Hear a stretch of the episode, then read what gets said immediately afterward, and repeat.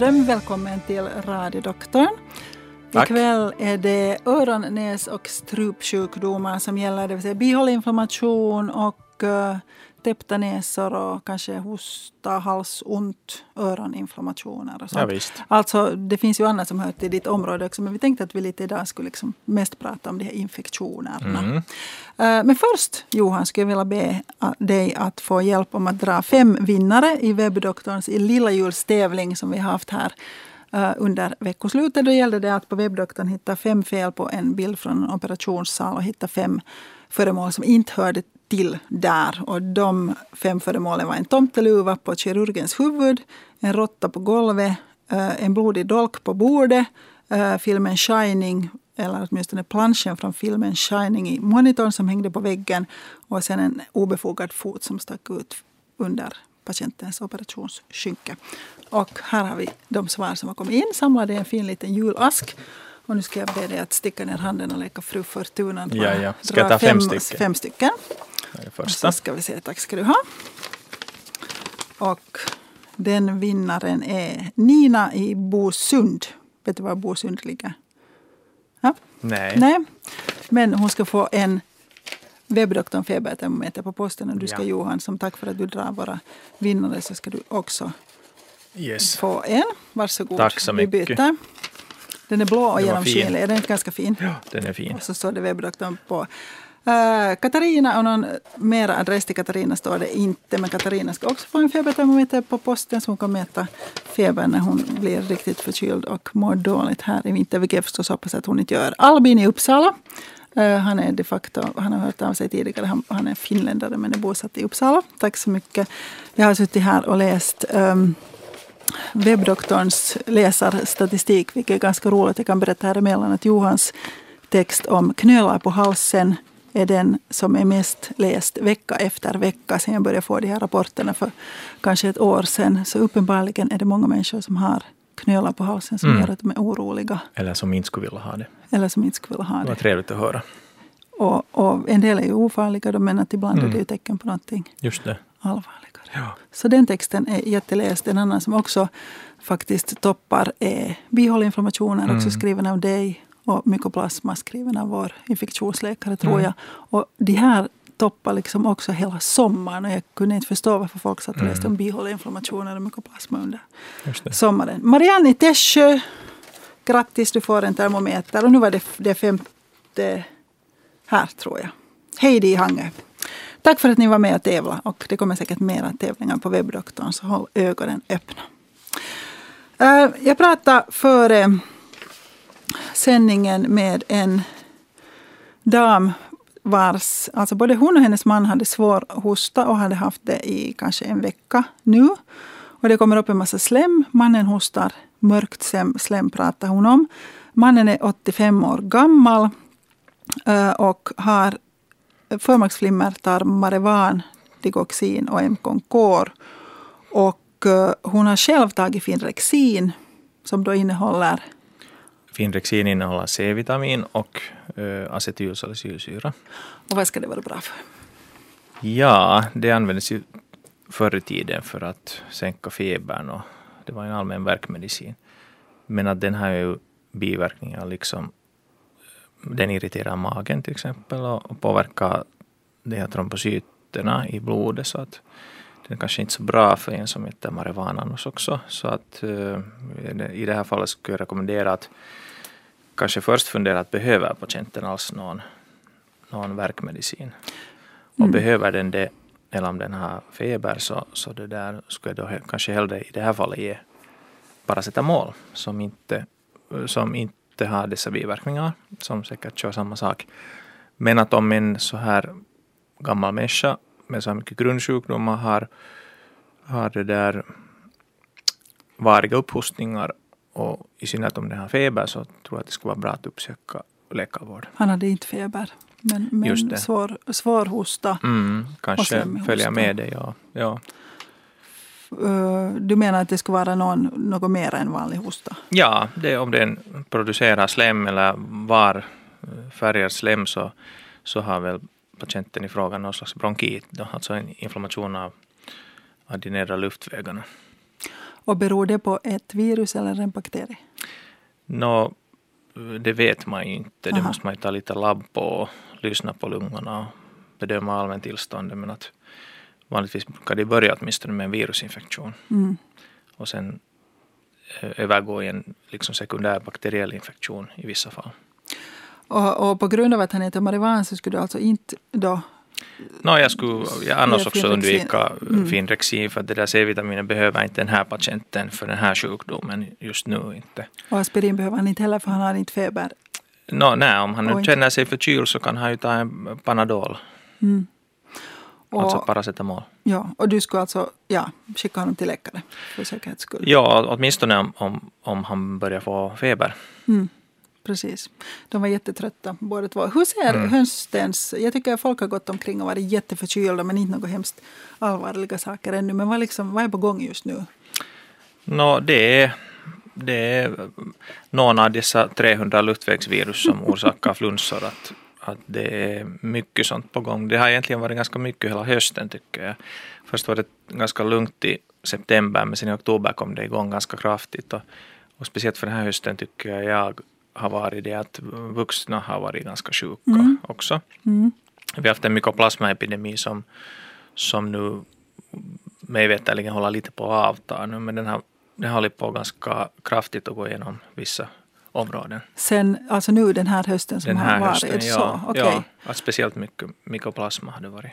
Är det inte så att det brukar komma senare på året normalt? Ja, det går väl lite i vågor, vågor. det där. Att, Mm. Men nu har det varit en sån, sån epidemi på gång. Den Och det ska vi prata mer om. Men har vi ett samtal? Nej, okej. Nej, men då hoppas vi att, att vi får tag på vår första lyssnare så kan vi ta in den eh, i sändningen. Um, influensa har ju inte kommit ännu. Den har inte kommit. Det finns några enstaka fall mig veterligen, men den har liksom inte börjat ordentligt ännu. Brukar ju börja i de här garnisonerna och sen Mm. Sprids den Sprids vidare. den. När vi nu är inne på det här med myko- mykoplasma. Jag skrev Ja. på Facebook att vi ska prata om mykoplasma och någon skrev att vad då? Vad är det för någonting? Just det, ja. Alltså mykoplasma är ju en, en bakterie som går att bota med, med antibiotika. Men bara då- någon viss form av- antibiotika. som man ska Ja, veta ja att det är den precis. Ja. Att det, det är tetracykliner eller sen makrolidgruppens antibiotika som biter på den. Till exempel penicillingruppen biter inte på den alls. Och den förorsakar en luftvägsinfektion, eh, vanligtvis då med, med symptom från nedre andningsvägarna. Att patienterna blir slemmiga och hostiga och, och, och täppta. Och speciellt med mykoplasma, att den sjukdomsbilden drar ut ofta på tiden. Att det, den varar ofta i veckor och till och med månader. Och den ger ju alltså en lunginflammation, men den lunginflammationen är inte lika svår som en Precis, ja. annan. så att det där labbinfektionsvärdena stiger men inte med måttligt. Vanligtvis så man kan se förändringar eventuellt i lungbilden eller så inte. Och det finns ju Eh, eh, mykoplasmatest, det är alltså de här mykoplasma-antikropparna man, man mäter då för att påvisa det här. Men de är också inte, är inte speciellt, speciellt liksom specifika för den här så att de är riktgivande och, och det är klart att får du en ordentlig stegring av, av den här IgM-gruppens äh, eh, antikroppar så är väl saken ganska klar om, om sjukdomsbilden annars är klar. Men att, men att sen är det ofta det att de är sådär med, medelmåttigt förhöjda och så vidare. Så att eh, ibland måste man nog göra liksom vårdbesluten på basen av hela helhetsbilden. Mm. Vi- sånt har det varit mycket den här hösten. Ja, och förra vintern också. Ja, det Intressant.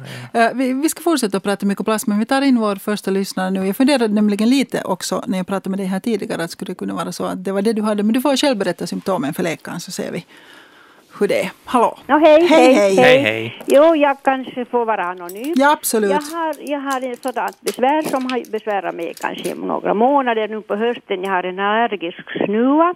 Jag nyser och lyser ofta på kvällen men så, så är det också så att det här slemmet som det rinner ner liksom i strupen, i halsen och det irriterar mig och så hostar jag sån här hackhosta så jag blir lite röd och öm i halsen och det är väldigt irriterande så att det där, men det är då det är lättare om jag nyser, nyser många gånger och det kommer ut via näsan. Men ofta är det nu så att det går, rinner ner i strupen, i halsen.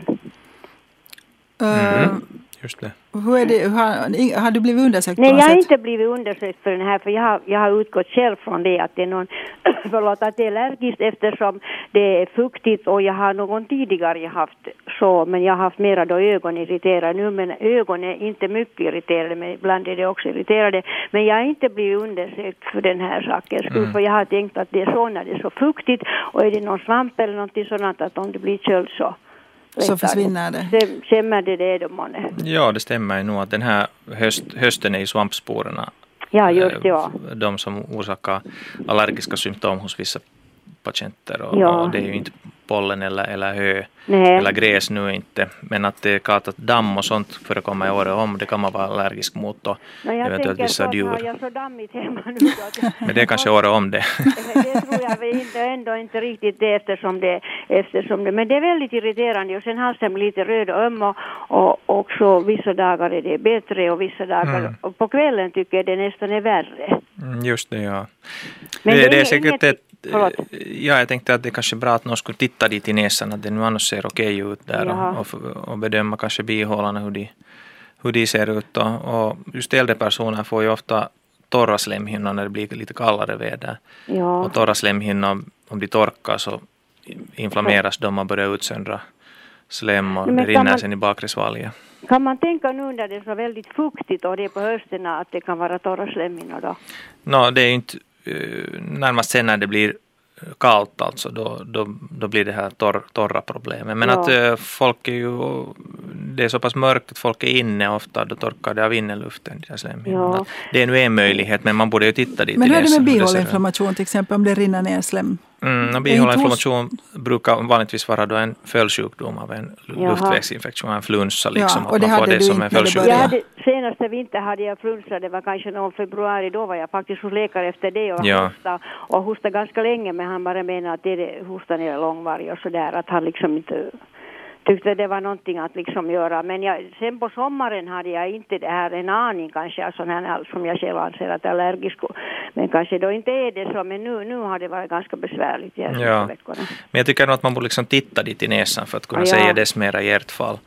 Så jag Men, måste eh, gå med min stora näsa då och visa. Ja, om ni alltså, om ni lider av det här. Jo, alltså jag, li, jag lider av det på det viset att det är liksom irriterande. Ja. Jag är sjuk av det, men, och det irriterar också andra i min närhet. Ja, då borde man titta dit i näsan hur det ser ut och, och det där, eventuellt att ta en bild av bihålorna och, och det där fundera vidare på den saken. Kanske göra en vårdprövning också. Ja. Och vård, alltså skriva ut en medicin för att se om det fungerar. Är det så det fungerar? Ja, till exempel bedöma att behöver det göras några allergitester och, och sen det där och sen Jaha. kanske pröva med en, till exempel niskortisonspray om det hjälper eller inte eller med en Jaha. spray som är eh, riktad till överkänslighetsnuva Jaha. som inte är en allergisk, med allergisk bakgrund. Nå kan jag tänka så då att jag kan vänta på hälsocentralens läkare som kan räcka någon vecka eller börja gå nu genast imorgon. No, det låter ju inte så hemskt akut det där. Jag tycker Nej, nog att ni skulle kunna Jag kan liksom vänta. beställa tid och jag kan gå för. Ja, det tycker jag ni kan göra. Aha, Ja. så då behöver jag inte. Det låter inte allvarligt, men om det är Nej, besvärligt så är det bra att utreda det. Allvarligt men att jag, jag, det är irriterande. Du sa att det irriterar din det. man, var det så du sa? Alltså jag hostar såna hack, alltså när vi försöker få slem, men det hjälper ju inte. Men det blir sån hackhosta som man gör då. Ja, Kanske det är automatiskt man tycker att, att det där man ska ha bort det där slemmet, men inte hjälper det. Ju halsen blir bara lite irriterad Ja. andra också. Men att om det är faktiskt slem som rinner så då förklarar det troligtvis nog det där host, den där irritationen i, som leder till hostan. Är med just det. Där, Och då måste man söka liksom det är förklaringen i näsan. Ja, ja. Om jag riktigt harklar med riktigt mycket så kan jag försöka spotta och då kan det komma någonting alldeles lite därifrån. Just Från det, via ja. förstås. Men Jaha. det där, jag tror att man borde No, då kan jag, då kan jag beställa här. hos min läkare och Ja. så, så kan, kan han titta på min näsa. Bra. Ja, det tycker jag låter Ja. bra. No, det var bra. Tack så mycket. Lycka till. Tack för så mycket. samtalet. Tack, tack. Tack ska du ha. Hej då. Ehm, men alltså hosta kan vara ett symptom på bihåleinflammation. Jo, just det. Och det Med den mekanismen att det rinner, det rinner sekret från näsan längs bakväggen ner till struphuvudet som irriterar då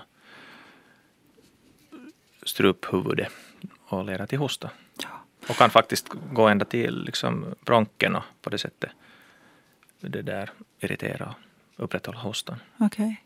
När misstänker du, alltså hosta är ju också symptom vid, vid mykoplasma. Ja. Långvarig hosta, feber kan man ha men måste inte ha, Mm. trötthet. Mm. När misstänker du mykoplasma hos ska vi säga, en patient som har hostat länge? om, om den är om det har börjat med, liksom med, luftvägs, med symptom på luftvägsinfektion och inte enbart med den här hostan. Och, och, det här, och det är en utdragen sjukdomsbild och, och det finns en slemproduktion, att det är en slemmig liksom hosta. Och det där. Så då i epidemitider som nu så, så skulle jag naturligtvis vilja utesluta det nog. Och då det där då kan man ta de där mykoplasmaproven. Mm. Vi hade förra vintern hade vi flera lyssnare som hade liksom varit fem, sex gånger hos läkare innan man kom mm. på att det var mykoplasma. Och, och, och, jag tycker liksom att i synnerhet om det går en epidemi så det verkar som om de inte skulle komma att tänka på, de här läkarna, på att det här finns. Och det tycker jag de kanske mm. borde göra. Ja. Men är det så att... De där proverna blir klara på är det fem eller sju dagar. Som, så om man, det kräver att man väntar sen på resultaten. Mm. Vissa börjar, det finns sådana som börjar antibiotika direkt och så så bedömer de sen efter 57 dagar när testet kommer att, att ska det vara en lång kur eller avslutar man det där vid, vid det tillfället sen. Här är ett brev från en, vi ska se. Hej, jag har nu varit förkyld i mer än snart två veckor. Förra veckan hade jag feber, jättemycket snuva och hosta. Förkylningen började med eländig rethosta på fredagen för snart två veckor sedan. Hostan tillät ingen sömn nattetid. Var förra veckan hos kommunalläkare, då var CRP 48 varvid läkaren konstaterade att det var för lågt för att jag skulle behöva antibiotika. Alltså sambandet där är då att vid bakterieinfektioner så mm. stiger mm. CRP. Ja, men det stiger nog också vid virusinfektioner men att inte lika högt. Då. Och det är anti- och bakterieinfektioner som behöver antibiotika. Ja. Uh, och att allt tyder på virus just det. Mm. Nu undrar jag om hon kunde vara säker på det. Ja. Ja, lita, lita liksom på det ja, här att det inte är en bakteriell infektion. Ja, 48 äh, var CRP. Ja, alltså det där, hur långa, har patienten varit sjuk i två veckor? Två veckor, ja. Feber, snuva, hosta. Feber, snuva, hosta. Ja, att uh, behöver man antibiotika har man en lunginflammation, har man en bihåleinflammation, har man en öroninflammation, har man en bakteriell bronkit. Så det där, det är ju kanske inte så lätt att bedöma på basen av den här historien, men att i mina öron låter det som en vanlig luftvägsinfektion. Det där. Fast den håller på i två veckor? Ja, det där, nu skulle jag säga det, det, det är ovanligt att täppthet och hosta fortsätter trots att den här infektionen håller på att lägga sig. Mm. Ett av mina barn har hostat hela november, det vill säga en månad. Mm. Läkaren kollade också barnet vars CRP var 28. Jag är nu bättre mm. men jättetrött. Barnets hosta blev värre på söndag och är fortfarande kvar. Jag är jättetrött på att hacka lök varje kväll. Barnet mm. andas bättre då. Och på att barnet som är nio inte blir frisk. Det är klart det. Vad gör att? Till saken hör att när barnet hostar så tycker barnet att det är äckligt att spotta ut det slem som han eller hon hostar upp. Jag själv har spottat ut de gröngula, ursäkta, klumpar som jag hostat upp och min hosta är nu nästan borta. Kan barnet ha bihåleinflammation trots att det inte gör ont när barnet böjer sig ner? Mm. Barnet måste använda flera näsdukar varje gång. Det snyter sig, snormängderna har tyvärr inte minskat sedan förra veckan. Tacksam för alla råd. Kan barnet ha bihåleinflammation? Ja, nioåring kan nog ha det, alltså en betydelsefull sådan. Och, och det, där, det kan också ha en öron, vätska i mellanörat som upprätthåller hostan. Aha, det är klart ja. att om hostan är väldigt slemmig så tyder det på att det är, en, är något annat, eventuellt mykoplasma då. Mm -hmm.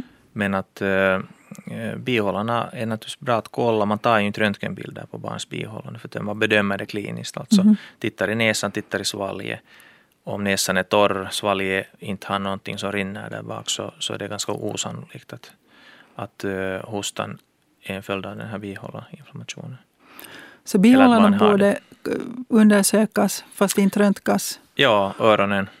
öronen. Och sen naturligtvis lyssna på lungorna och bedöma liksom allmäntillståndet. Men här är en patient som skulle kunna fundera på den mykoplasman. Mm.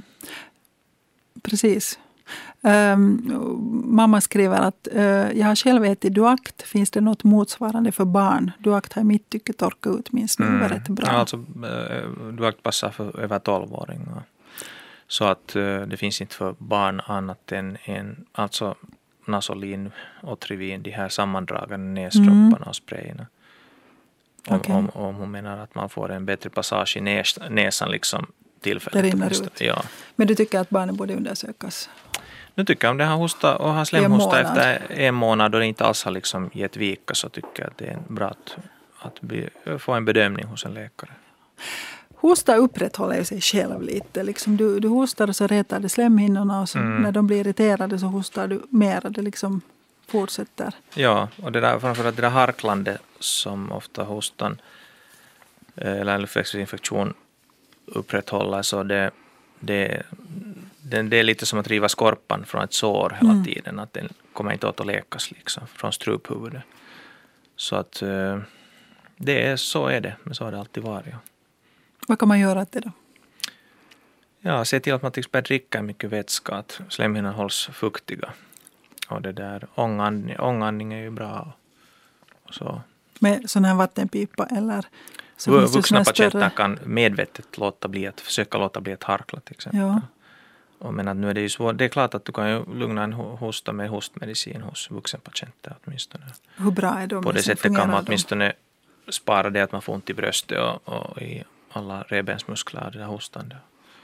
Men att åt väldigt små barn så rekommenderar man ju inte det hostmedicinen. Den där ångandningen är ju... Jag har jättegoda erfarenheter av det. Det var du Just som, det. du som rekommenderade första gången. För jag kom med mitt barn till, jag kom med mitt barn till Johan. Han skulle sjunga en tre och en halv timmes eh, konsert. Uh, Johannespassionen eller Matte, Johannespassionen, Matteuspassionen. och den längre av dem i varje fall. Efter några dagar han hade hostat i tre veckor och jag insåg bara att han kan inte stå och sjunga den här eh, med den här hostan. Och så gick vi till Johan och så sa jag ah, vad ska jag göra? Ge en hostmedicin. Och så sa du lite typ sådär att hostmedicinen fungerar inte så bra. Men ta en och skaffa en vattenpipa. Alltså inte den här Mm. vattenpiporna som det pratas om nu utan den här Nej. lilla som man får på apoteket som man andas ånga i. Ja, just det. Och så Eller skaffa- du, du, andas, alltså, du andas luft, men den, luften passerar den här pipan som har vatten i. Så att när du andas in den där luften så är den fuktig. Och den, den, den fuktar ju då luftstrupen och luftrören. För att om du dricker vatten så stänger sig struplocket och då, då fuktar det inte alls luftstrupen eller, eller struphuvudet. Eh, och, ja, för vi, och så finns det ju en större variant nu där man liksom fyller en större bytta med hett vatten och andas genom Mm. att täcka liksom in hela näsan Ja. och munnen. Men vi skaffade en vattenpipa och ho- den hostan som alltså säkert inte berodde på en pågående infektion utan mer var just en sån här räthosta. Den försvann liksom på några timmar och sen tre dagar senare så stod pojken och sjöng. Matteuspassionen. Ja, just det. Så och det hade jag inte hört om. Uh, Alltså efter, efter en luftvägsinfektion som, som begynner med hosta eller där hosta är ett symptom så den, den lämnar ju ofta, de här virusbetingade lämnar ju ofta liksom en överkänslighet i de här i de här luftrörernas epitel, deras flimmerhåren skadas och de, de blir liksom överkänsliga för en tid. mm, Och, och där är väl den här fuktningen just säkert bra. har jättebra erfarenheter av det. Mm. Nu tar vi in följande lyssnare som har ringt 0611 12 13. Alla ni andra är också hjärtligt välkomna att ringa hit och prata med Johan Hedström. Hej och välkommen till radiodoktorn. Hallå? Hallå, hej. hej. Hej! Det här är Heidi från Grankulla som ringer. Hej, hur kan vi, Hej. hej, hej, hur kan vi hjälpa dig? Nå, jag skulle fråga en sån sak som jag kämpar med som jag inte riktigt vet vad det är och kanske läkarna inte heller riktigt kunna upplysa mig om vad det har varit. Mhm. Jag har i flera, kanske tiotals år haft problem med täppt näsa och med påföljd med bihåleinflammationer och fått ofta antibiotika för det. Och jag försöker klara mig ur det med nedsköljning och, och sen får jag nog en antihistamin sån här Kestin en per dag. Men nu i år så i september, oktober med en liten lätt flunsa så fick jag igen täppt näsa och sen fick jag dessutom jätteont i ena örat. Det blev ett sånt här tryck och jag kunde inte sova på ena ligga på liksom, nog på det örat men inte på andra örat. Alltså det, var, det var inte liksom motsvarande. Och då fick jag lite öronsköljning. Det hjälpte något och sen fick jag antibiotika för det här öronproblemet. Och, och enligt eh, den, den sista, sista läkarens tryckmätare så var allt nog sen okej. Men i två månader satt den här smärtan där och det var inte trevligt. Nej. Och sen skulle vi flyga söderut och så flög vi till Tyskland och då vi landade där så då knastrade alldeles för Det brukar jag göra normalt också men det knastrade alldeles förskräckligt häftigt i just det här öra som jag hade ont i. Och, och sen var jag jättelycklig för en kommande vecka då smärtan var borta. Så nu känner jag bara då jag böjer mig ner, så då knastrar det till just i det här ena. Så undrar jag, har det varit en form av, av låst öra vad betyder det? Eller borde jag ännu gå och undersöka det här till en specialist för att, att inte ska det nu knastra så här normalt heller. Och det är bara ena öra? Det är bara ena öra. Just det. I mina öron låter det här nog som ett problem i örontrumpetgången, det vill säga den här gången som, som förenar alltså mellanöra med näsvalget. Det Mm. röret som ska jämna ut det här trycket Mm. eh, i mellanöra, eller ska vi säga som ska jämna ut det att det blir ett undertryck där i mellanöra. Ja, att, nå- eh, om- något är det ju ja. som inte stämmer där. Och det där, om den inte, om den inte utjämnar det så då blir det ett låst öra och ett täppt öra. Och, Okej. och det här, det här blir speciellt besvärligt om när man flyger för då, då det där eh, då liksom blir det här besväret mycket större. Och så att jag skulle säga att det här skulle kunna ha med din benägenhet också med bihåleinflammationer att göra. Att du har en, du har en, eh, du har antagligen en, trång näsa av, av någon orsak.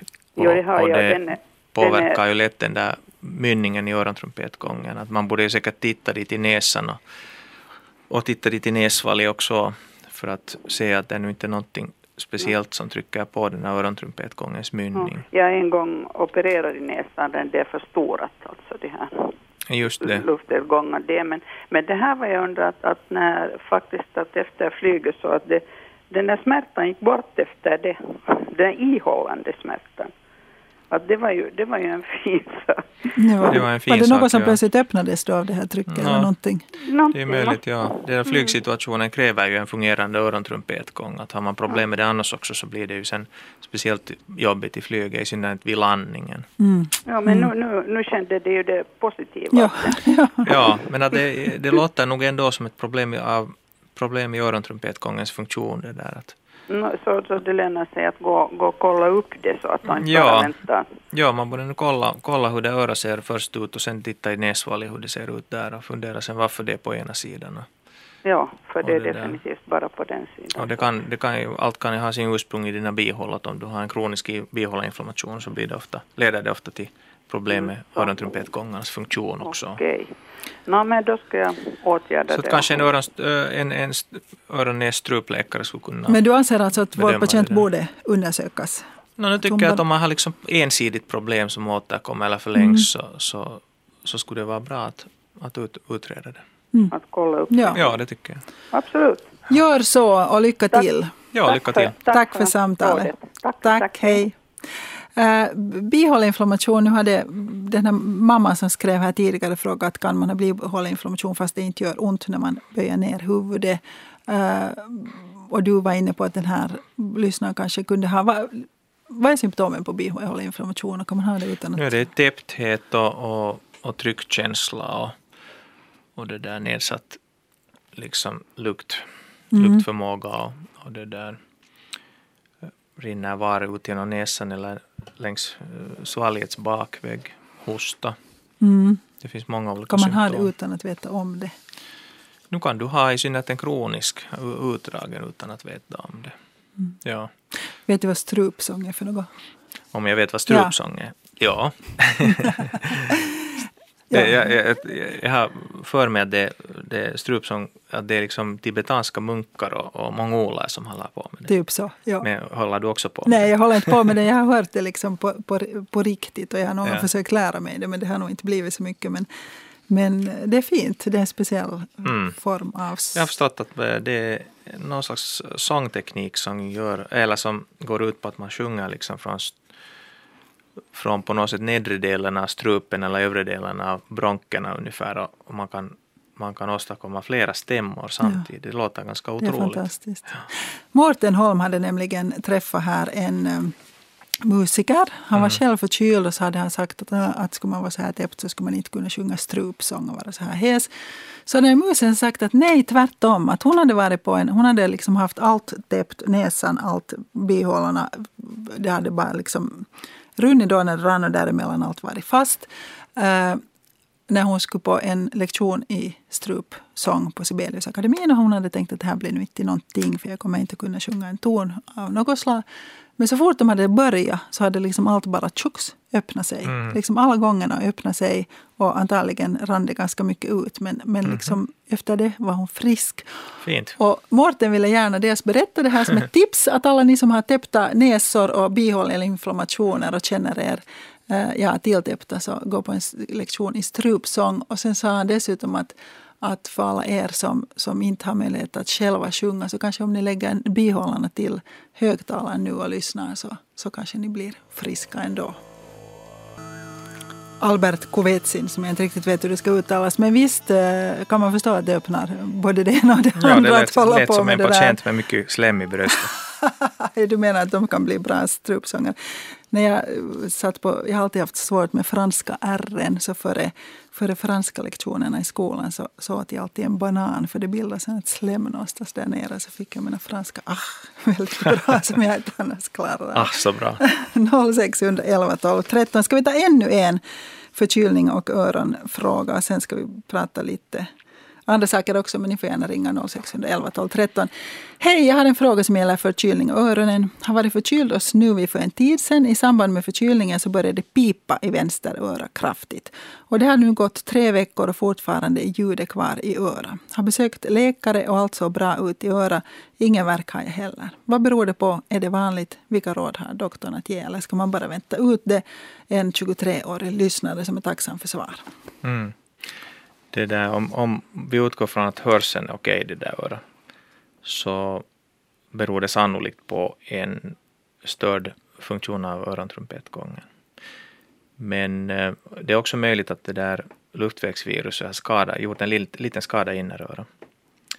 Så en, en hörselmätning skulle säkert vara bra för den här. En skada då som är inte bara någon svullnad eller något sånt utan faktiskt Ja, det finns väl en hel skala med skador men att uh, det kan vara en lindrigare skada som bara ger upphov till en, en tinnitus, en, en öronsusning som, som varar en viss tid och sen avtar.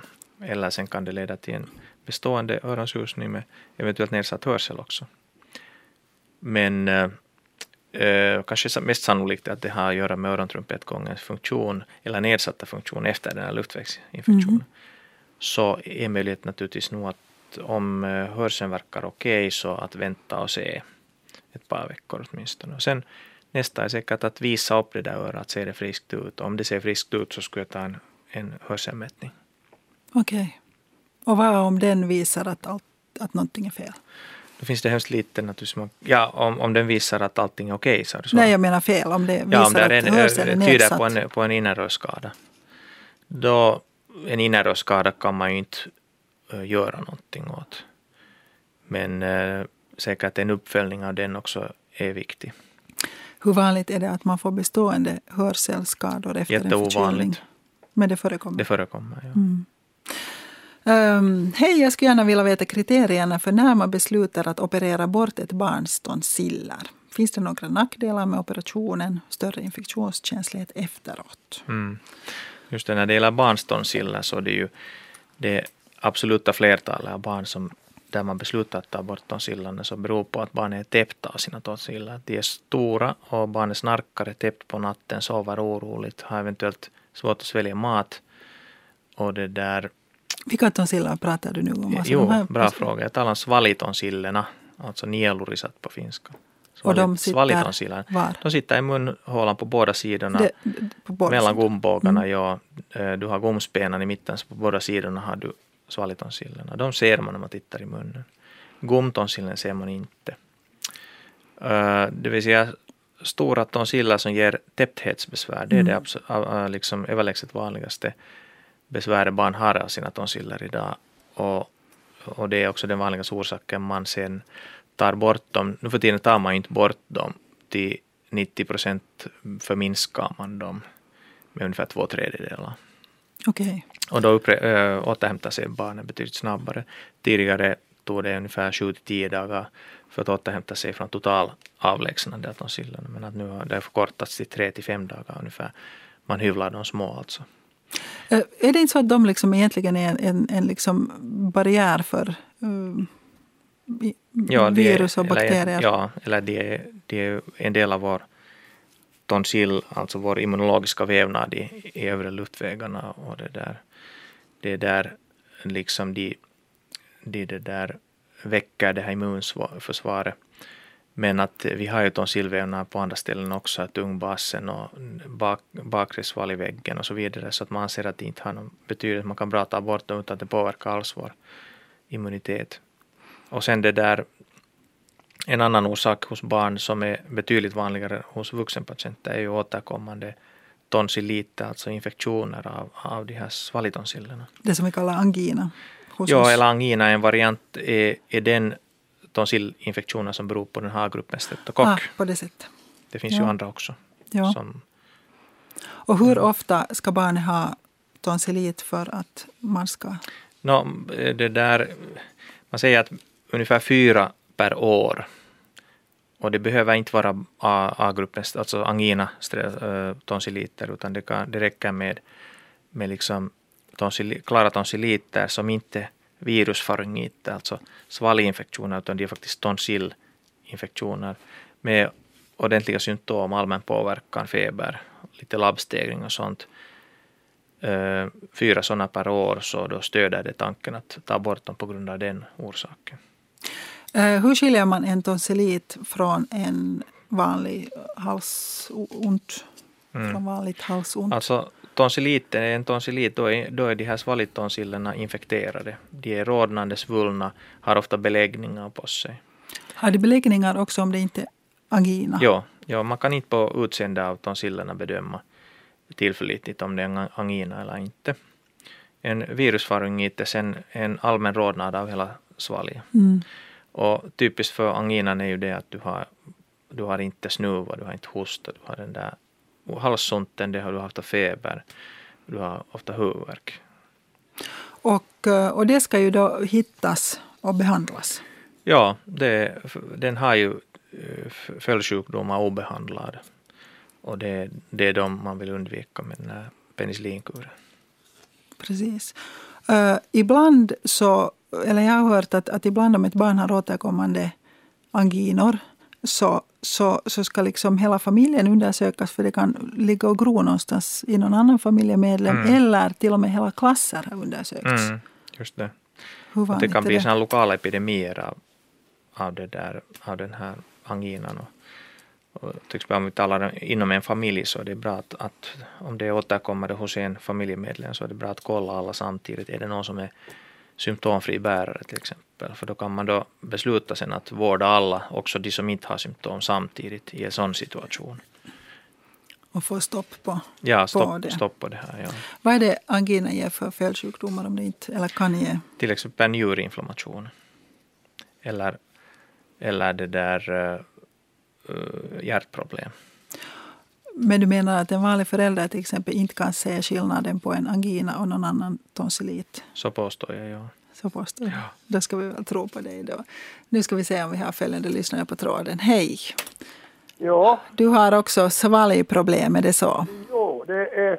Jag har en gång redan eh, för åren sedan ringt till radiodoktorn och samma problem och eh, försökt åtgärda det med att gurgla med saltvatten. Det har varit en viss hjälp. Sen fick jag från apoteket utan eh, läkare. Läkaren sa förresten, centralläkaren, att fråga på apoteket, de har några tabletter eventuellt. Jag fick eh, därifrån Mucomyst, 200 milligram brustabletter. Mukomyst, sa du så? Ja, M-U-C-O. Det är slemupplösande. Ah, ja, ja, just. 200 milligram. För- Eh, och det, det hjälper nog till, eh, till eh, viss grad åtminstone, men det eh, innehåller det här acetyl, vad, vad är det? Acetyl som aspirin. För marijuanpatienter är det olämpligt. Just det. Och du tar Marevan då? Eh, Jo, jo. Okej. och eh, har hunnit leva länge redan, 84 år. Och eh, det är det här slembildningen, det är inte, det har undersökts med, eh, med eh, ultraljud, de här näsa och de här luft, luftkanalerna övrigt. Men det samlar sig ungefär i höjd med struphuvudet och är mycket besvärande att få bort det och det blir en sån kvävnings eh, eh, liksom symptom och eh, det är så svårt att, att på något vis få, få andningen igång. Det håller på att, eller känns som att kväver. Och det enda som då, eh, det hjälper inte att blåsa eh, genom näsan för det fungerar. Men, men eh, det är lägre ner och man måste med tungan få en sån här sug, slags sugeffekt för att få lite början och få bort efter många försök så har jag fått öppning. Det är på nätterna och på morgonsidan på natten. Dagarna går bra. Mm, mm. Vad säger du Johan? No, man borde ju igen titta hur det ser ut där i struphuvudet. Men eh, det skulle eventuellt kunna, kunna ha med någon slags reflux att göra, att det stiger lite magsyra i liggläge om det besvärar mera på natten och som ger upphov till en irritation i struphuvudet, en slemutsöndring. Och det slemmet sen om man är eh, lite äldre och dricker lite dåligt så blir det segt och svårt att harkla upp. Eller sen aspirera patienten i fråga eller kan man aspirera alltså. Andas in? Ja, det, man, när man sväljer så, så går det i fel strupe så att säga, ja. går i luftstrupen och det upprätthåller en liten inflammation där. Och att, uh, man borde ju titta som sagt dit i struphuvudet för att se vad det är frågan om. Att det, inte, det kan ju finnas andra orsaker också. Eh, får jag komma in nu, ska jag berätta. Ibland så får man i det där slemmet då, det kommer liksom klumpvis då, och, och så är det liksom något som jag tolkar att kan vara blod, eh, det är brunt eh, och det där som blandat lite sådana fläckar och, och sådant. Sen kan jag säga också att jag har lungorna förstörda med asbest så att det konstaterat det att det finns mycket där som, som inte borde vara men, men andningen och jag lever ett hyggligt liv för, för, för andningen, det fungerar nog det. Men det är bra det åtminstone. Ja, nu är det säkert och, bra att någon tittar, ner, tittar dit i strupen nu. Men, men, det hjälper inte att hosta, det går inte alls att, att få bort något av det där slemmet genom att hosta. Mm, just det. Men du rekommenderar alltså ett besök? Det, det gör jag nog, att då borde man ju utreda det här. Mm läkarbesök och eh, kontrollera. Vad ska man be att läkaren tittar på då? Hur strupen ja. ser ut. Hur strupen ser ut. Mm. Men att, eh, har, det, har det blivit värre eller har det hållit på så här länge? Eh, det periodvis måste jag medge, eller säga också. Det är, ibland är det lättare och, och, och jag vet inte, jag har försökt att tänka på vad man äter, om det ska ha med maten att göra och, och det, men, men det har jag inte kommit underfund med att det skulle vara någon som helst skillnad. Men det har varit åratal och, och vissa tider så, så är det, det går liksom i perioder. Mm, just det. Eh, jag skulle börja med att försöka dricka medvetet mera vätska. Ja, men jag, jag dricker så mycket redan. Jag ja, just det. Öka jag kan inte öka det. Just så, okej. Okay. Men då tycker jag nog att, eh, att eh, någon borde titta lite i strupen och säga, säga hur det ser ut. Kan man göra det direkt med, med något slags äh, på en läkarmottagning eller sådär då? Eller mm, I princip borde en, ja, en allmänläkare borde kunna handskas med en spegel. Man måste ju använda en spegel för att se struphuvudet. Ja. Och man, man skulle kunna börja där. Mm. Ja. Men det låter och, bra. Och är det tänkbart att det här ultraljuds, är det möjligt att använda sådant? No, det kanske om, om du inte har snuva eller täppthet annars och, och, känner inte att det rinner någonting uppifrån neråt så är det kanske osannolikt att det är bihålorna. Då, då ja. är, det, är det kanske inte så, så viktigt med, med ultraljudsundersökning. Ja. Eh, jag nämnde att jag har varit och fått det här eh, just äh, ultraljudsundersökning av, av övre bihålor och man, de här andningskanalerna upp mot näsan och, mm. och, och, det där. Och det hittades inte något, något problem där. Just Men det. jag tackar. Jag tackar. Tack. Lycka till, hoppas du får hjälp. Ja. ja. Tack, hej då. Spegel använder man. Ja. En böjd spegel då som man sticker in. Eller så. Ja, man gör den här poster, rhinoskopia posterior heter det i, i, inom min specialitet, när man tittar uppåt, det vill säga när du vill se nässvalget med, mm. med bakre näsgångens öppningar och de här ö, örontrumpetgångarnas öppningar ser du där också. Du kan alltså titta på gomtonsillen. Du kan titta på, på se om patienten har polyper i bakre delen av näsgångarna. Du ser helt enkelt bakre ändan av näsgångarna på det sättet. Och sen när man riktar spegeln neråt så kallas det för laryngoskopia indirekta, indirekta laryngoskopin. Och då ser du via spegeln eh, struplocket, du ser struphuvudet med stämbanden och, och så vidare. Hur gör du för att spegeln inte ska imma igen av patientens andning? Just det, man värmer den.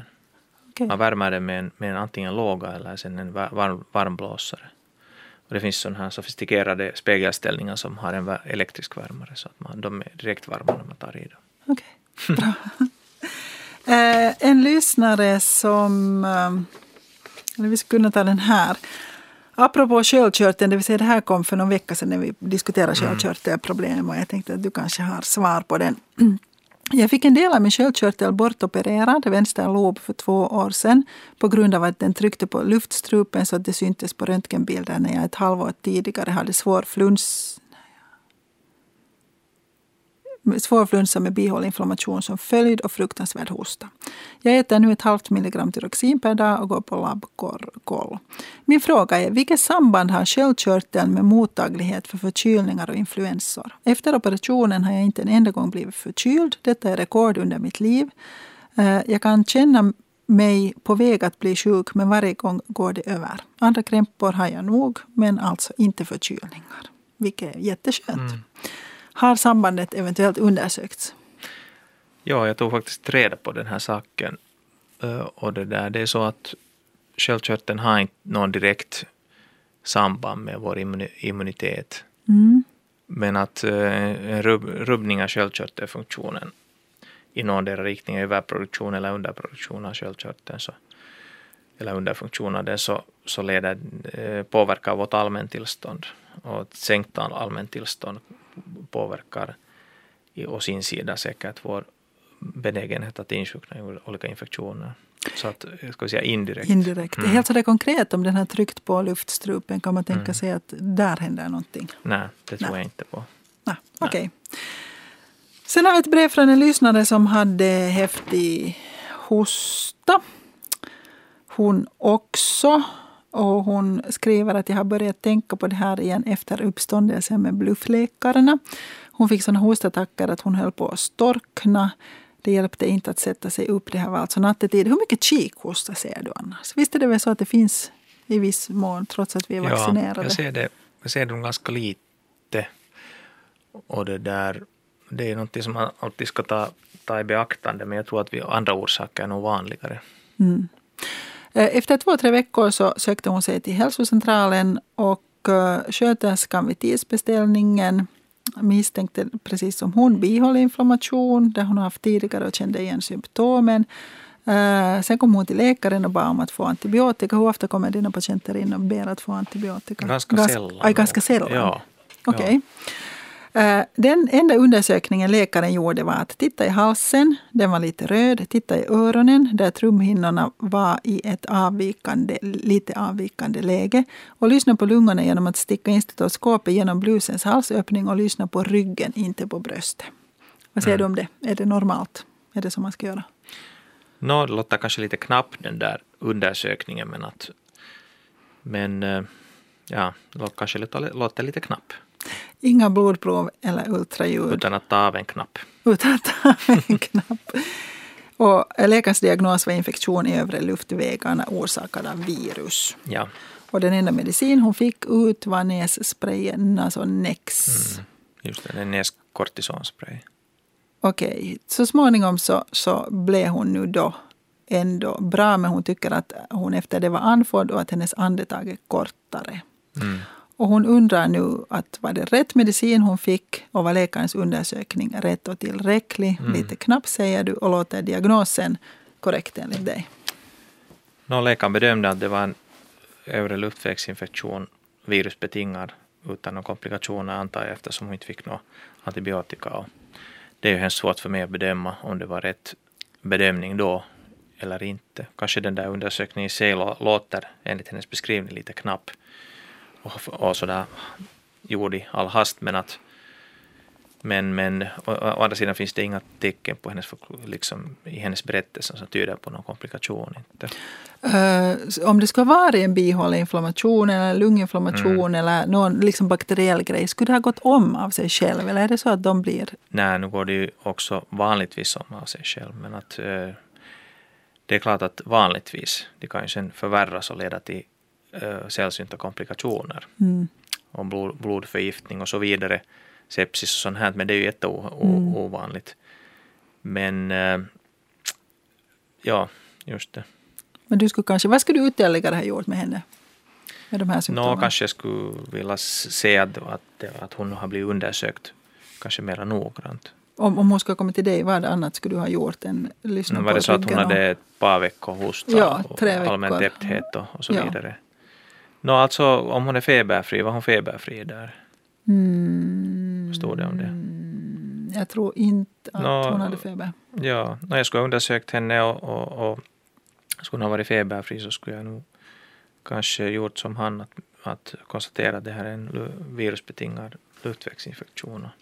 Men att eh, är hennes allmäntillstånd alls nedsatt och, och, och det Trött där, och hon har svårt att andas. Ja, eller om liksom hon har svårt att andas så då måste man ju utreda det. Ja. Ja. Mm. Ja, men det kommer sen efteråt. Det så. efteråt, ja. ja. ja. svårt att säga. Det är hemskt svårt att säga på passen den här beskrivningen. Det är mykoplasman ännu om vi återgår Ja. till den. Så den ger ju som ett sånt här, um, sen efter att man så att säga har blivit frisk, Mm. det har jag upplevt själv, så ger det att Tydligen vad jag har förstått så är det så att både, det, både finns av de här mikroberna kvar Mm. i lungorna Mm. eh, och så finns det liksom någon annan infektionsmössa kvar Mm. i lungorna. Ja. Som gör, eller det händer någonting, som gör att det liksom inte går att fylla lungorna riktigt ordentligt med Just luft. det, För att ja. det är någonting som tar emot. Det, man, Ja. det, det går inte att andas in så mycket och det går inte heller att tömma dem helt. Mm, för att precis, där hela tiden finns någonting. Och det här håller i sig liksom i ganska lång tid Det är därför efteråt. mykoplasman också uh, kräver en lite längre antibiotikakur för att det ska bita för den där, de här bakterierna finns i det här slemmet i, i, i, i lungorna och det där, den där liksom pene- penetrationen av den här antibiotikan in i det här slemmet är, inte så bra. Så, så rekommendationen är ju två, hos vuxna två veckors sån här doxy, tetracyklinkur eller sen en sån här makroligruppens antibiotika lite kortare. När vi talar om antibiotika så skulle vi kunna ta det här. Hej, som mamma till en treåring med redan två öroninfektioner skulle jag jättegärna vilja höra din åsikt, er åsikt om diskussionen kring antibiotika, inte antibiotika. Jag har väninnor som är helt emot vanliga mediciner. Vad händer i värsta fall då om man inte ger antibiotika? Har förstått att en del öroninfektioner beror på virus och inte behöver antibiotika och andra beror på bakterier och behöver det. Stämmer det undrar man. Ja, det stämmer ju att man anser att uh, ungefär en tredjedel av öroninflammationerna, av de där akuta öroninflammationerna är virusbetingade och de, de, de läks ju naturligtvis eh, lika bra utan antibiotika. Hon undrar, finns det verkligen inget sätt för en läkare att avgöra vilken deras sorten det gäller? Mm. Märker en mamma skillnaden? Just det. Det finns nog ingen som med säkerhet vet om man inte, det kräver naturligtvis att man gör ett hål på trumhinnan och suger ut vätskan som en, liksom en kriterie för att man ska kalla det för öroninflammation Mm. och, och odla den och då ser man vad det är. Men det, det gör man ju inte. Nej. För den, så att det måste man ju då bedöma det där eh, det behovet av antibiotika eller inte på basen av fynden av symptomen. Men att eh, det finns liksom eh, några sådana eh, några sådana eh, saker man anser att ha med det, det, det eller påverkar det där valet och det är att om, om barnet är under tre år gammalt har en bådasidig eh, öroninflammation och det där och, och eller en, eh, ett hål på trumhinnan så stöder det valet av antibiotika. Då tror man att det är vården av- bakterier. Ja, det, det är associerat med, med den bakteriella öroninflammationen. Under tre år har det i båda öronen eller sen hål på trumhinnan. som, som är från den infektionen eller från tidigare. Nej, från den, Den infektionen. infektionen. Så att trumhinnan spricker av den där Mm. öroninflammationen. Så då anser man att det stöder liksom val av antibiotika när man sköter de här öroninflammationerna. Alltså något av de här tre kriterierna. Mm, eller, räcker, ja. ja. Okej, så en fy, femåring som har ont i bara ena öra. Mm, som inte har hål på trumhinnan och Så där, där kan man säkert åtminstone tänka sig att sköta utan antibiotika. Man måste se det där örat och bedöma på basen av helhetsbilden. Om barnet är väldigt sjukt och har feber och, och har var i mellanörat som man ser alltså så då, då, då skulle nog säkert sätta en kur också Mm. på. Kurerna kan vara ju korta, att fem dagars kurer räcker för akuta öroninflammationer. Men hennes fråga det här att finns det något sätt för föräldrarna att för föräldrarna kan väl inte bedöma det där överhuvudtaget om barnet har en öroninflammation Mm. eller inte. Men att om en läkare sen ser att den har en akut öroninflammation så, så det där gäller det ju att, att liksom använda de här kriterierna för det. Eh, Hon undrar att har ni några goda råd att ge för hur vi ska minska risken för fler öroninfektioner? Nå, nu är det ju, man kan äta xylitol fem gånger per dag men det gör ju ingen. Nej. Och sen kan Vad, man, vad är mekanismen där? Alltså Sen vad kan då? man- Är det no, det, tuggandet som öppnar eller är det själva xylitolet? nu är det själva xylitolet som i näsvalget liksom påverkar den här bakteriefloran. Ja. som gör att den inte växer upp i mellanörat via örontrumpetgången. Men att det där, nu är det ju handtvätten, alltså undvika de här, bryta den där kontakten av de här viruserna, framförallt då via händerna. Så god eh, handhygien i dagis och hemma. Okej. Det är säkert det hon kan göra. Vi önskar henne lycka till. Um, kunde ni berätta om vasomotorisk snuva? Vad betyder det? Egentligen är det ärftligt. Finns det bot mot den eller lever man med den hela livet under en lyssnare? Mm. Det är vasomotorisk snuva är en eh, överkänslighetssnuva som beror på, den är, den är liksom inte en allergisk snuva, den är så här icke-eosinofil överkänslighetssnuva variant. Att den, det, det är frågan om en, liksom en, en eh, störd, liksom en sån här eh, regleringsstörning av näsans slemhinnafunktion. Så att den här parasympatiska, den här som liksom vi har en balans ständigt i vår nervsystem, det här autonoma nervsystemet mellan parasympatisk och sympatiska. Den är parasympatisk liksom aktivering. Den, den är parasympatisk liksom, den har blivit på så att säga, så att vi har hela tiden en lite irriterad, lätt sväll, svällande slemhinna i näsan som utsöndrar slem, klart sekret vanligtvis. Och det, vad som utlöser det kan vara damm, det kan vara det kan vara luftföroreningar, kan torr luft, het luft, kall luft, väldigt individuellt. Det finns varianter som, som eh, beror på om man dricker rödvin så kommer det, vitt vin så kommer det inte och har någon maträtt så kommer det och så vidare. Och man kan eh, vårda det så det är de här ipratropium bromid sprayerna som Atrovent nasal till exempel kan man använda och sen nässteroidsprayer kan man också använda. Och sen naturligtvis mot täppthet, sådana här eh, droppar eller tabletter mot nästäppa tillfälligt då. Är det ärftligt? Det tror jag inte att det är. Nej. Det, det, jag tror inte att man riktigt känner till vem som får det och vem inte. Men alltså, eh, man blir inte av med det. Det- Man växer inte ur det. Det, det varierar säkert det där. Men att jag tror nog att man, man, man liksom föds med en viss benägenhet för det där. Du utvecklar en överkänslighetsnivå. När du säger att det är någonting i autonoma nervsystemet som överreagerar, märks det i Mm. resten av kroppen eller är det bara näsan det sitter? Det är nog bara i det här fallet näsan det sitter. Äter du D-vitamin för att eh, slippa förkylningar? Mm, ja. Du gör det? Mm. För, tycker du, har- du har märkt någon skillnad sen du Nej. började? För, nej. För jag är inte förkyld vanligtvis. Äter du. C-vitamin för att undvika förkylningar? Nej, det gör jag inte. Men D-vitamin kör du på? Ja. Eh, Och varför?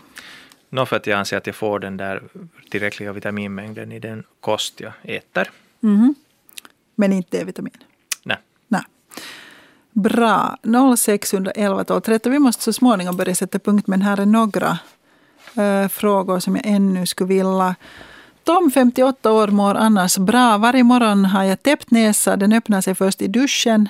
Reflux från magen. Efter 15 minuter är jag okej igen. Detta har uppstått under de senaste fem åren. Måste kolla vad jag äter. Hur hänger detta ihop? Jag är inte allergisk och äter inga mediciner. Nedsköljning fräschar upp, men inte stiger jag djup på natten och sköljer.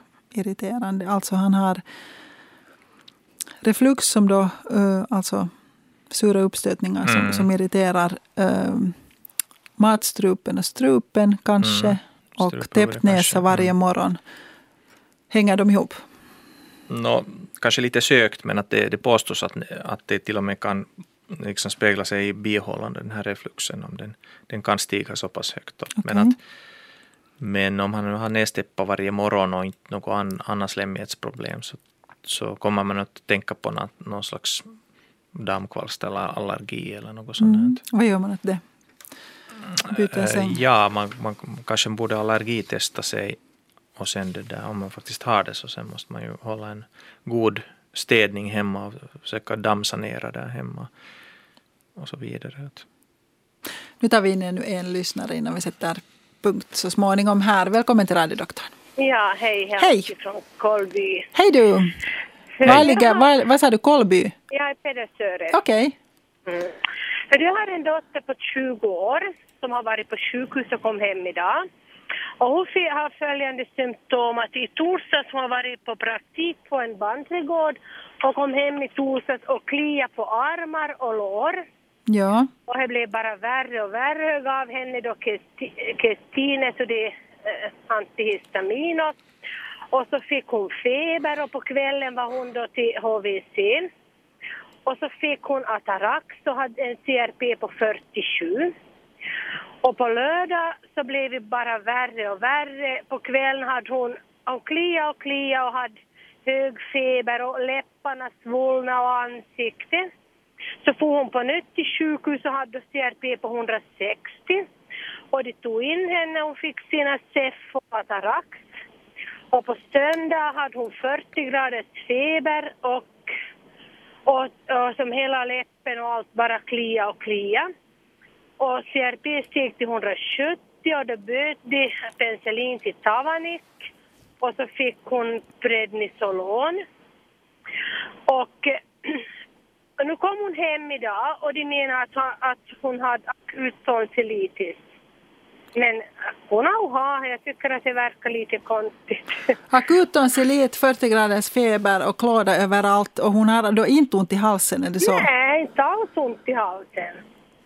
Johan, Klia, alltså hon har klia i huvudet, klia på armar och läpparna picka och, och ont i ögonen och hon har sett riktigt ut i ansiktet. Och jag tycker det verkar lite konstigt för hon har inte alls hals, ingenting i halsen. Mm, just det. Alltså om hon, om hon inte hade någon infektion i halsen eller svalgrodnande eller tonsillerna rodnade och svullna så Hon har bortopererat tonsillerna. tonsillerna är bortopererade. Mm, mm. Ja, det låter lite märkvärdigt. Då är liksom, I mi- i mina öron låter det som att den här infektionsfokusen är lite oklar då. Ja, no, de vet att alltså, hon äh, saken är att hon har dragit ut en visdomstand och åt då vepen och hade avslutat här fyra dagar ungefär före den här klådan kom. Mhm. Och nu funderar de så att, att i, i samband med att den här eh, tanden blev utdragen så fick hon en inflammation som for i tonsillerna. Men Mm. hon har ju inte alls sjuk hals, det var ju bara den här enorma klådan. Men om hon hon- inte hade något tonsiller? Ja, hon har ju inga tonsiller, men de sa att det var akut tonsillitis. Ja, det låter lite märkvärdigt det där. Men att eh, det låter som hon har varit ordentligt sjuk nog. Ja, hon har varit, hon har, hon har 170 CRP och, Mm. och just att hon var så svullen i ansiktet, under ögonen och, och, och läpparna picka bara. Och fingrar, hon fick inte alls böjd fingrarna. Ja. kan man få en penicillinallergi eh, fyra dagar efter att man har slutat? Kan, ja, kan man, väl det, kan man väl det också, ja. Men att det där, hon hade ett väldigt högt CRP-värde. Ja. Att det där, nu hade hon någon slags infektion säkert. Nu. De hade tagit lungröntgen och urinprov och, hals, svalgjordling och, och de hittade ingenting och nu då de skrev ut henne idag så sa de att, att de har kommit till att det var akut tonsillit men jag tycker att det låter Mm. lite konstigt. Men är det, är det hennes eh, gomtonsill, är det nog i den som är bortopererad eller svalgtonsillerna? Svaltonsillerna. Ja, ja, men inte kan hon ju då ha en tonsillit inte. Det låter lite märkvärdigt det där nog i mina öron. Kanske du skulle be- begära att de skickar den här epikrisen och så skulle läsa den på nytt, vad Ja. deras logik har varit. Men, men, Men men, att det är en infektion låter det som om, om att ja, hon har men haft. Var, men var? Och Ja, det är för, i mina öron är Ja. den här infektionsfokusen lite, öppen. det kliar så där enormt. Alltså hon, hon, alltså hon håller ju på att bli knäpp, det kliar så. just det. Ja. Och som i hårbotten och allt knutigt. Ja, ja, alltså schalkasfeber kan man ju, men då, schalkasfeber får man ju inte nog en liksom sjukdomsbild av utan tonsiller. Är det så? Ja, nu- alltså nu kan du ju ha äh, streptokocker i svalget utan de här äh, tonsillerna, nu, men det ger inte upphov till en, till en, liksom, en, en, en angina. Ja, alltså det här stämmer enligt dig på schalkasfeber, är det så? Nå, alltså jag sa bara att i schalkasfeber har man ju äh, kliande utslag Och feber? kroppen. Och feber och CRP kan stiga ganska högt men att det kräver nog att du har dina tonsiller kvar. Inte kan du annars ha en, en tonsillit inte. Men kan, nu kan du väl få schalkasfeber fast de är borta? Kan Mm. du inte? Nej, du kan nog ha streptokocker i svalget men inte, inte får du en, en sån här sjukdomsbild. Inte. Är det så? Är du, det här, är du säker på att hon är vaccinerad mot schalkasfeber? Inte man vaccinerar mot. Ja, nej, det gör man ju inte. Nej. Det har du rätt i. Nej. Jag tycker bara att det verkar lite konstigt. Alltså, jag, alltså, ja, jag vet inte. Men nu har de tagit alla de här allergiproverna men det har inte kommit något svar Mm. på dem ännu. Just det. Det kan ju vara skilda grejer. Hon kan ha haft en infektion och så har hon fått en allergisk reaktion mot någonting som hon har blivit matad med. Att det är två skilda saker. Ja, eventuellt. kan Det är ju helt svårt att säga. Den här, den här visdomstanden då som de drog ut. Nu kan man ju få säkert en, en det där infektion som är tandbetingad nog. Det kan man ju säkert få. Men att Ja. inte leder det till en tonsillit inte. Nej, och ta- tand, alltså munnen verkar ju inte något mer om någonting. Just det, ja. ja. Det är nog svårt för oss att säga desto mer om det här. Men Vad säger du om de här alltså, svullna läppar och svullna ögon? Finns det Mm. risk att, där, att det blir liksom ännu värre, att man får andningsproblem? Och om det här är nu en allergi mot någonting? Eller något knappast, anafylaktiska nej, knappast får hon något? det inte. Men att hade det, nog, hon hade nog tagit som på andra på natten så hade ringt på. Men saturationen var bra och EKG hade tagit varje dag på henne. Mm. Och, och det här, ja jag vet inte. Hur mår hon nu? Nej, nu mår hon ganska bra nu. nu. Sa det att doktorn hon mår bra bara så hon skulle slippa hem. Men, men klart att man funderar ju att kommer det på nytt så vad, vad var det egentligen hon hade? Ja, ja, förstås. det låter som du borde ha, ha möjlighet att, att fråga lite mera där. Ja, tyckte de vet inte nå. Men schalkasfeber, alltså finns det? Uh, Ja. ja. ja. Finns det i vår, liksom hur vanligt Alltså det? tulirokko på finska. Alltså Ja, det är en angina-variant. Ja, Med kliande utslag och Mm, feber? just det. ja. Sen är det, men det där akuttonsilitet tyckte nog att jag sa, jag tror inte någonting på det då hon kom hem och sa Mm. att de sa att hon har det. Men skulle man kunna tänka sig att där ändå finns något tonsiller kvar som gör att hon kan få schalkasfeber? För annars stämmer det ju liksom Alltså, ganska bra överens. det är nog svårt för oss att gå bedöma vad hon har haft, men att jag sa bara att, att för att få en schalkasfeber måste hon ju ha sina tonsiller kvar. Om, om, Ja. om de är bortopererade så tror jag inte på det. Ja. Okej. Men Mår hon liksom nu så att du känner dig trygg och tycker att hon Ja, klarar sig? hon hade CRP 67 då hon kom hem Ja. idag. Mm. Okej. att Så den är på väg ner då. Ja, nu fick hon Dalacin. Ja, men att det så är så där fick hon- högt eh, CRP som det var 190 så tyder det nog på en bakteriell infektion. Ja, Mm. ja. Men det här... Eh, jag skulle tycka det var hemskt roligt att höra eh, om, ni, om du har kommit till vad, det är, vad hon faktiskt hade att höra om det. Finns det någon möjlighet att du ännu skulle få reda på lite mer vad de här läkarna har trott och varför och höra av dig på nytt? För det skulle vara lite intressant. Ja, Att veta. ja nej, jag, jag måste nog begära den där epikvisen och, och det här. Ja, Så- kanske lämna ringbud till någon Ja. vårdande läkare. Hon ska, hon ska ännu på återbesök då alla de här svaren har kommit. Ja, Ja. just det. Skriv upp några frågor som hon kan ställa där sen. Ja, ja. Eh, hör hemskt gärna, alltså lycka till, jag hoppas att allt går bra nu, men det skulle vara hemskt roligt att höra vad, det, vad ni har kommit till. Ja, ja. Om du kan höra av dig på nytt. Ja, nej, men jag ska höra av mig och så Ja. ska vi hoppas att, det- att vi inte får något flera gånger för det känns lite sådär otryggt så att säga. Ja, Det det förstår jag. Ja, för Men- att det var ju ofta, läpparna börjar picka så där så är det ju risk att det far i halsen och, Mm. och det här. Alltså, hur är det, alltså de här allergiska, men, men de här allergiska överreaktionsreaktionerna brukar ju inte ge feber va? Alltså, Nej. Nej, Nej. och inte Och inte högt CRP heller. Så här är Nej. det sannolikt liksom olika problematik nu Ja. Ja. Och den här klådan upplevde hon ju nog som värst. Att det kliar så mycket på kroppen och hela tiden. Mm, precis, ja. Och Om, det, riktigt sådär knutit på kroppen av att hon hade kliat sig. Och Just det.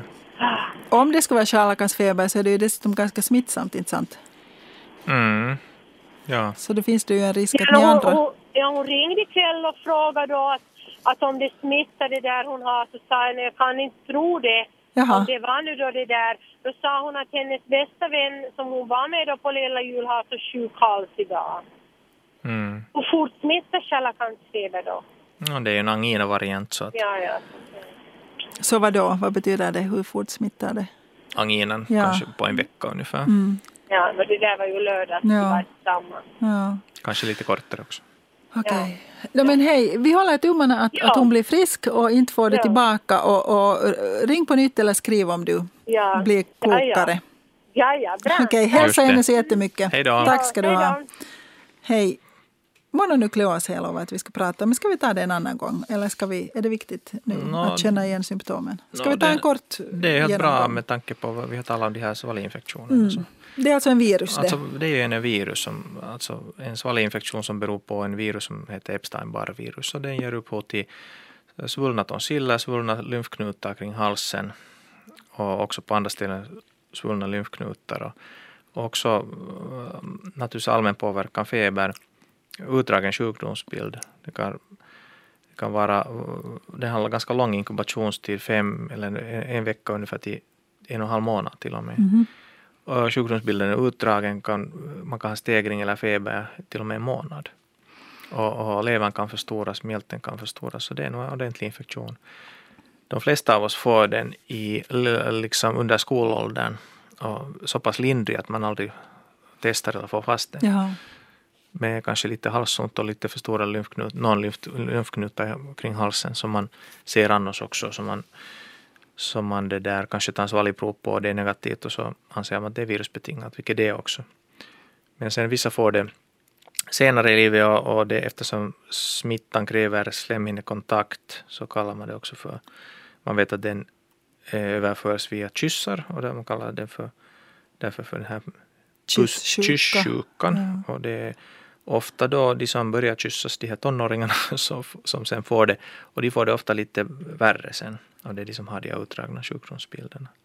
Men där finns ju snabbtest, både snabbtest och sen de där eh, EBV-antikropparna. Snabbtest som är ett blodprov eller ett, Nej, det är, det är ett salivprov. ett svalgprov. Ja. Okej. Eh, alltså det är ju lite viktigt att veta att det är det man har. Dels för att det kan då komma komplikationer Mm, i precis, ja. då? Och det är när- närmast just det där Hjärta? Ja, alltså det finns sällsynta komplikationer som hjärnhin, hjärnhinneinflammationer och hjärtpåverkan och, och man kan få till och med en sprucken mjälte av det. Mm, och det. leverenzymerna förhöjs. Så, så att nu är det ju liksom potentiellt en allvarlig infektion men att, men att nu är det eh, de flesta klarar sig utan något men. Mm. Sen finns det något eh, antibiotika som man inte får ta vid mononukleos. Ja, det är amoxicillin att det, av någon orsak så orsakar den en, en klåda. En, en, ett sånt här exantem som man får över kroppen, alltså en rodnande klåda, Utslag, eh, ja. utslag som kliar. Så det ska man inte ge åt en sån patient som man kan tänka sig att ha mononukleos. Okej, ja. Det- Säg bara, var det någonting du ville tillägga? No, egentligen inte. Att det är också en, en det, är, det är då en virus som ger upphov till en, en virus som ger upphov till de här svalinfektionerna. Helt kort, jag pratade med en lyssnare för sändningen som, som ville höra om tinnitus. Eftersom vi, ja. du föreslog att vi skulle här någon senare ha Ja. en riktig tinnitus-sändning och bara Ja. prata om det. Vad finns det att göra och när finns det någonting att göra? Så, så Mm. tänkte jag att vi inte pratar så mycket om det idag. Men, Mm. men han frågat vad är tinnitus? Alltså tinnitus är ett, ett ljud som, som en människa hör som inte har någon yttre källa. Eh, och det där, man talar om objektiv och subjektiv tinnitus. Och den här objektiva tinnitus är en sån tinnitusljud som, som en yttre människa kan höra, alltså en läkare kan höra genom att auskultera, lyssna med en stetoskop eh, på vanligtvis halsen eller bakom örat. Och den ob- objektiva, alltså den här yttre tinnitusen beror vanligtvis på, kärldeformiteter eller några förträngningar i kärl som i öra kan höra. Och det är ju vanligtvis pulserande. Men det vanligaste är ju den här subjektiva tinnitusen, alltså ett ljud som, som man hör i örat som inte har någon yttre ljudkälla. Och till, det hör också till liksom definitionen att det inte, det inte kan vara eh, begripligt tal eh, eller något bekanta ljud. Därför då talar man redan om hörselhallucinationer. Det är en annan sak. Men tinnitus är sen vanligtvis ett pipande, ett brusande, ett tjutande. Det har, det har olika kvaliteter. kan vara lågt, kan vara högt. Och eh, du sa, eh, när vi pratade om det här tidigare, så sa du att man kan få tinnitus till exempel av spända nackmuskler Det kan man och få, axlar. ja. ja det, och det är vanligt. Alltså, eh, största delen av oss har nå, något tag känt av tinnitus. Och, och, och så gott som alla känner ju av någon slags öronsusning vid total tystnad. Men att sen en, eh, anser man att 10 procent av oss går omkring med en, med en konstant tinnitus och det är ganska stor, det är mycket det, 10 Det är procent. mycket, ja. Så att kanske en halv miljon finländare. Det är mycket. Mm. Men det lönar sig att undersöka det, för det kan också bero på liksom vax i örat eller spända nackmuskler. Det har många eller olika, en tu- alltså, tumör. Eller, ja, en, en tinnitus måste alltid utredas i synnerhet om det är mm, ena örat.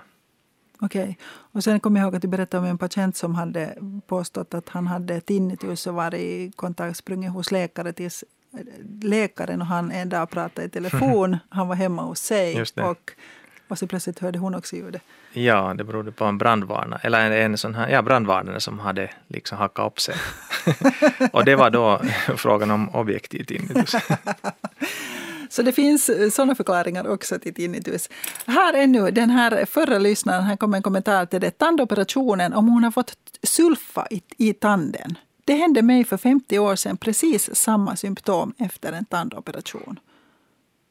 Med feber och CRP. No, men det, åtminstone klådan kan ju bero på det. Alltså, alltså på vad? Sulfa i Ja, du tanden. alltså menar- den här, hon med bortdragna tanden och klåda och högt CRP och feber och svullnad. Ja, Ja, ja, du menar att det var allergisk reaktion av sulfa? det menar den här lyssnaren. Ja, Mm, just det. Ja, men den här patienten hade väl inte fått någon sulfa? Det vet vi ju inte. Det kan ju vara att Ja. hade fått det. Ja, nu kan det ha varit en allergisk reaktion i samband med en, med en infektion som var helt betingad av något annat, till exempel en ta, tandinfektion. Just det, det kan ha varit två olika saker. No, men vi hoppas att Kan ha får hjälp. Och tack för kommentaren. Tack Johan. Tack själv. Och eh, ni ska inte glömma bort webbdoktorn. Där finns en hel del artiklar då om, om eh, snarkande barn, bland annat som vi har pratat om tidigare, om bihåleinflammation och mykoplasma och knölar på halsen och eh, reflux och heshet. Finns det bland annat också om sambandet mellan det och vad det finns att göra då. Um, om en vecka är Otto Lindberg här. Då ska vi bland annat prata polymyalgi och vi ska prata om TGA, sådana här tillfälliga och vad jag har förstått ofarliga minnesluckor. Och vill, vill ni skriva till honom så är adressen radiodoktorn, postbox 12 00024 rundradion eller radiodoktorn.vega Tack för oss.